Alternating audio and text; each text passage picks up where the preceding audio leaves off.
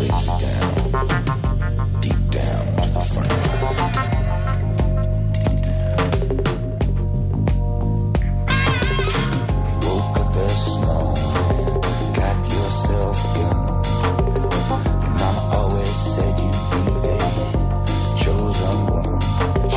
És el moment de les sèries, és aquell moment en què arriba l'Alfons Gorina, el nom pots dir que no, i ens explica, ens desgrana què és el millor que podem veure en matèria de sèries televisió. El millor o el més curiós o el més el que sigui. Sí, però, de fet, jo sempre et porto la contrària en un moment determinat de la Sempre, secció. i m'encanta. Ara, ara ho faré al principi ja, i així, Així ja, ja ho ho tenim deixem. fet. Només un apunt de cinema, només voldria donar el meu record a Tony Scott, que Home. ens va deixar ahir. Però Ja això no és portar-me a la contrària. Sí, no, és allò que tu dius, ara parlarem de sèries. Doncs no, ara, mira, ara un apunt de cine. No, no, perquè era un, un gran director d'acció. Alguns diuen que dels dos directors, el Ridley i el Tony, el bo era ell, realment, i que sapigueu que a la primera setmana de la finestra li dedicaré un reportatge amb crítics que explicaran per què era millor i que fins i tot ens desvetllaran que va ser ell qui va dirigir Alien i no el Jean-Marc Ridley, que és el que tothom es pensa. La primera setmana de la finestra, que serà, a veure, 3, 4, 5, eh, cap al 6-7 de setembre, no? Sí, el primer diven- divendres de setembre, sí, el segon, el 6-7, sí. cap aquí, cap aquí. Bé, bé, ben calculat, com això dels temps dels informatius, no? Ara anem... Al final n'aprenem una mica, no? Sí, sí, sí. Doncs va, ara anem a les sèries. I... Ara sí? Sí, ara ja toca. doncs, i comencem eh, amb una sèrie, perquè avui parlarem de fantasia. I per què? En primer lloc, perquè cada cop està més de moda en el món de la televisió. No s'havia tocat molt aquest tema, no sé si per temes econòmics o el que fos, mm. però cada cop eh, estan sorgint més sèries amb aquesta temàtica i perquè, evidentment, quan posem la tele a vegades és per evadir-nos de la realitat i endinsar-nos en mons fantàstics. I comencem amb la sèrie de capçalera, vaja, la que no es podria dir d'una altra manera. Era ser una vez. Una reina malvada envió aquí a personajes de cuentos de hadas. y quedaremos atrapados Y no lo saben. No lo recuerdan. en un lugar horrible. Es de locos. No habrá más finales felices. Juro que destruiré vuestra felicidad. Aunque sea lo último que haga.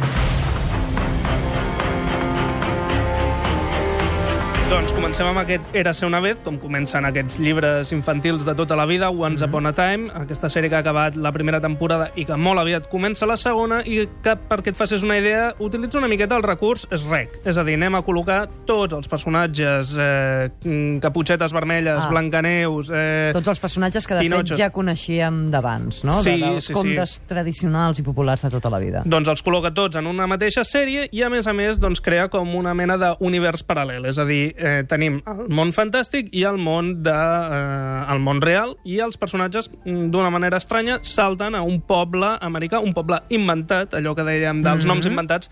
Clar, el poble es diu Storybook, perquè et facis una idea. Home. Doncs ja t'ho posen així, no?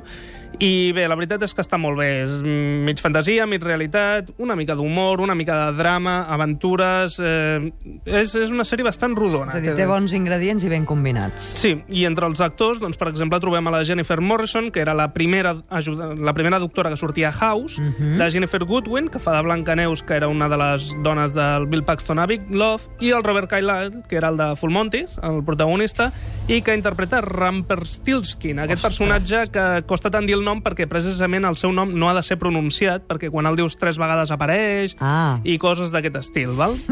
doncs escolta, si t'agraden tot, tots aquests elements, sens dubte Era una vez, és la sèrie fantàstica del moment i... Però és una sèrie per nens o no té per què? Perquè, No, no. clar, amb tant de personatge de conte, un es podria imaginar que és una cosa com infantil. Sí, però no, no, no té per què. Té moments foscos, també he de dir. Ah. I bé, d'una sèrie que és fosca passem a una que és bastant més fosca. En aquest cas arriba d'Anglaterra i es titula Being Human. ¿Qué vas a elegir? ¿A nosotros o a ellos? Nunca ha sido una pregunta.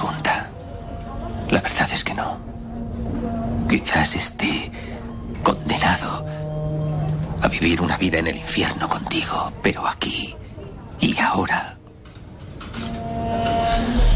les elijo a ellos.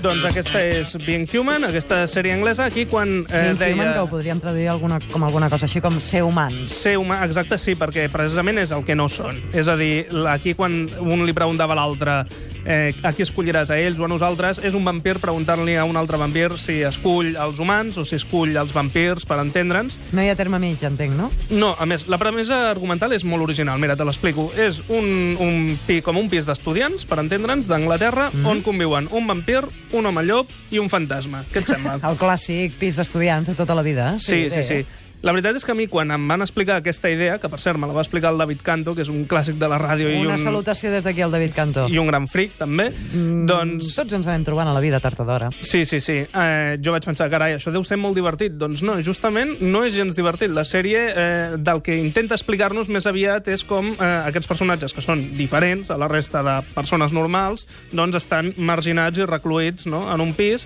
i aprofiten per fer-se suports eh, els uns als altres. Clar, i deuen tenir horaris diferents, no? Estic pensant. Sí, el fantasma no dorm, Clar, això. el, l'home va- llop un cop al mes ha de marxar perquè es transforma i... El vampir durant el dia no el busquis, que no el trobaràs. I, sí, no, això s'ho salten bastant, Sí? eh? Digues, sí, és eh, modernillos, eh? Ja el Tenen tema de... algunes coses superades, Sí, ja. el tema de les creus i aquestes coses, no. Només mantenen lo de la sang. Hi ha que- alls a casa? Saps si tenen alls a la cuina? O això ja... Doncs això no ho recordo, ara. perquè és un pis una mica desastre, perquè són Clar. Joves i fan aquests horaris intempestius, no? Bé, la, la sèrie està bé, però ja aviso que hi han dues versions, hi ha l'anglesa i l'americana. Primer Oh. va arribar l'anglesa i, per tant, jo us recomano sempre doncs, tirar per l'original.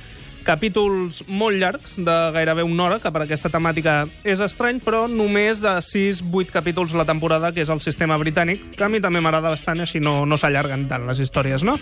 Doncs bé, eh, no només tenen aquesta sèrie ara mateix, sinó que un dels èxits fenòmens dins del món fantàstic ara mateix eh, de les sèries és la també britànica Misfits. Tenemos un problema. ¿Quieres callarte? Ya casi lo tengo. ¿Qué hace? Intenta romper la botella con la mente.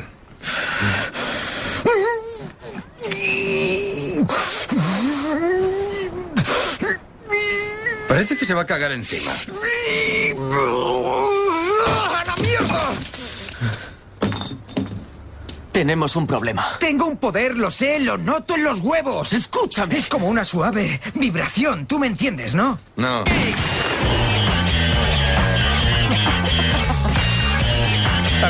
Aquí sí que hi ha comèdia, no? Sí, aquesta és tot el contrari. Aquesta és, és Dic, comèdia... dic, o hi ha és- comèdia és o jo ho entès tot al revés. No, no, no, aviam, la idea és senzillíssima. Hi ha una tempesta o un huracà, no me'n recordo què passa, i uns nois que estan amb un taulat fent eh, serveis socials, perquè són, diguéssim, de, de barris conflictius, britànics, etc. Estan aixugant els seus deutes amb la societat, no? Exacte, doncs els hi passa per sobre l'huracà i et creixen diferents poders, no? I, vaja, cada capítol doncs, resolen conflictes eh, amb els seus poders, mm, mentre hi ha relacions entre ells. És, és, la veritat, és una sèrie molt divertida. Aquest que deia totes aquestes paraulotes, per cert, és un personatge que es diu Nathan, que a la tercera temporada desapareixia, i això va ser un trauma per molta gent. Sapigueu que tornarà, perquè ja han publicat com un curtmetratge on es veu on està... No i estàs que fent de spoiler, ara, eh? no, no, no. sap. Ho dic perquè hi ha gent que ha deixat de veure la sèrie perquè era el millor personatge i de cop mm, va deixar d'aparèixer. Doncs a la quarta temporada se suposa que el Nathan tornarà. Estem parlant d'una sèrie de... Ja veus que avui estic obsessionada amb, amb a quin públic s'adreça. D'adolescents sí. o només m'ho sembla? D'adolescents, però aviam, eh, sí, pel llenguatge, per mm, la dinàmica, etc, però també per qualsevol persona. Jo és que m'ho passo molt bé veient aquesta sèrie, eh, t'ho asseguro. Una curiositat molt, molt gran, i és que una de les noies protagonistes, la que té concretament el poder de llegir els pensaments dels altres, tenia una cara que jo pensava, ostres, s'assembla molt a l'home llop de Being Human, la sèrie que hem parlat abans. I? I eh, no és que s'assembli molt perquè els dos són anglesos, sinó perquè són germans. I em va fer bastanta gràcia que els dos hagin acabat a Que sèries petit tan... que és el món, eh? Sí, sí, a sèries tan similars. Aquesta sèrie, per mi, Misfits, que la recomano molt, eh, és un contrast directe amb una sèrie molt similar que va arribar dels Estats Units no fa tant, fa uns sis anys, que es deia Herois. Soy Hiro Nakamura. Vengo del futuro y te traigo un mensaje. Salva a la animadora, salva al mundo. ¿Crees que si salvas a la animadora salvarás al mundo? Hay personas que confían en mí para esto. Quizá no lo consiga, pero lo intentaré. Esta chica, la que has pintado aquí, es mi hija. quieren lo que tienes y te harán daño para conseguirlo. Tu te'n recordes d'aquesta frase, salva l'animadora, salva el món, perquè estava repetida per tot arreu quan es va estrenar. Es va passar aquí a TV3 i vaja, estava anunciada per tot arreu amb, amb aquest lema. I res, només l'ha posat perquè justament era una sèrie mm, estil americà, amb un disseny molt cuidat, bons efectes especials, amb una trama... Molt grandiloquent, no? De fet. Sí, sí, exacte, amb una trama global, amb japonesos, indis, eh, americans, tots barrejats, anaves d'una punta del món a l'altra, i en canvi no funcionava gens bé. Aquesta es va cancel·lar la quarta temporada perquè era una sèrie molt cara. Per Quarta, començar. van aguantar fins a la quarta. Sí, perquè va començar molt bé, eh? va arrencar amb molts milions d'espectadors, però eh, les trames es van anar complicant, feien viatges en el temps i allò que passa Vaja. sempre d'incoherències de guió, incoherències I de que temporals. si arribes a mitja sèrie ja pots plegar veles perquè no enganxaràs res, no? Sí, i aleshores, exacte.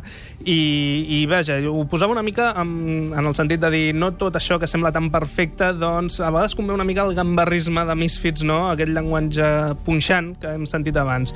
En qualsevol cas, t'he de dir que la famosa animadora, que era una actriu que es deia Hayden Panettiere, la vaig entrevistar perquè... Oh! Mira, l'Enric s'ha llegit el guió i m'ha posat aquí el tall. La vaig entrevistar per telèfon. No, no, perdona, això és el públic que tenim que reacciona espontàniament a tot.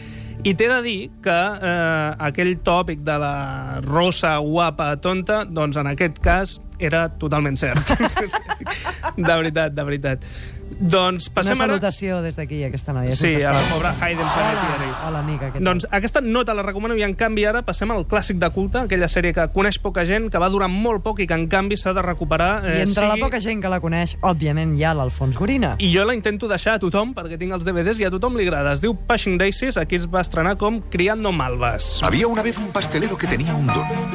Revivir a los seres muertos tocándolos.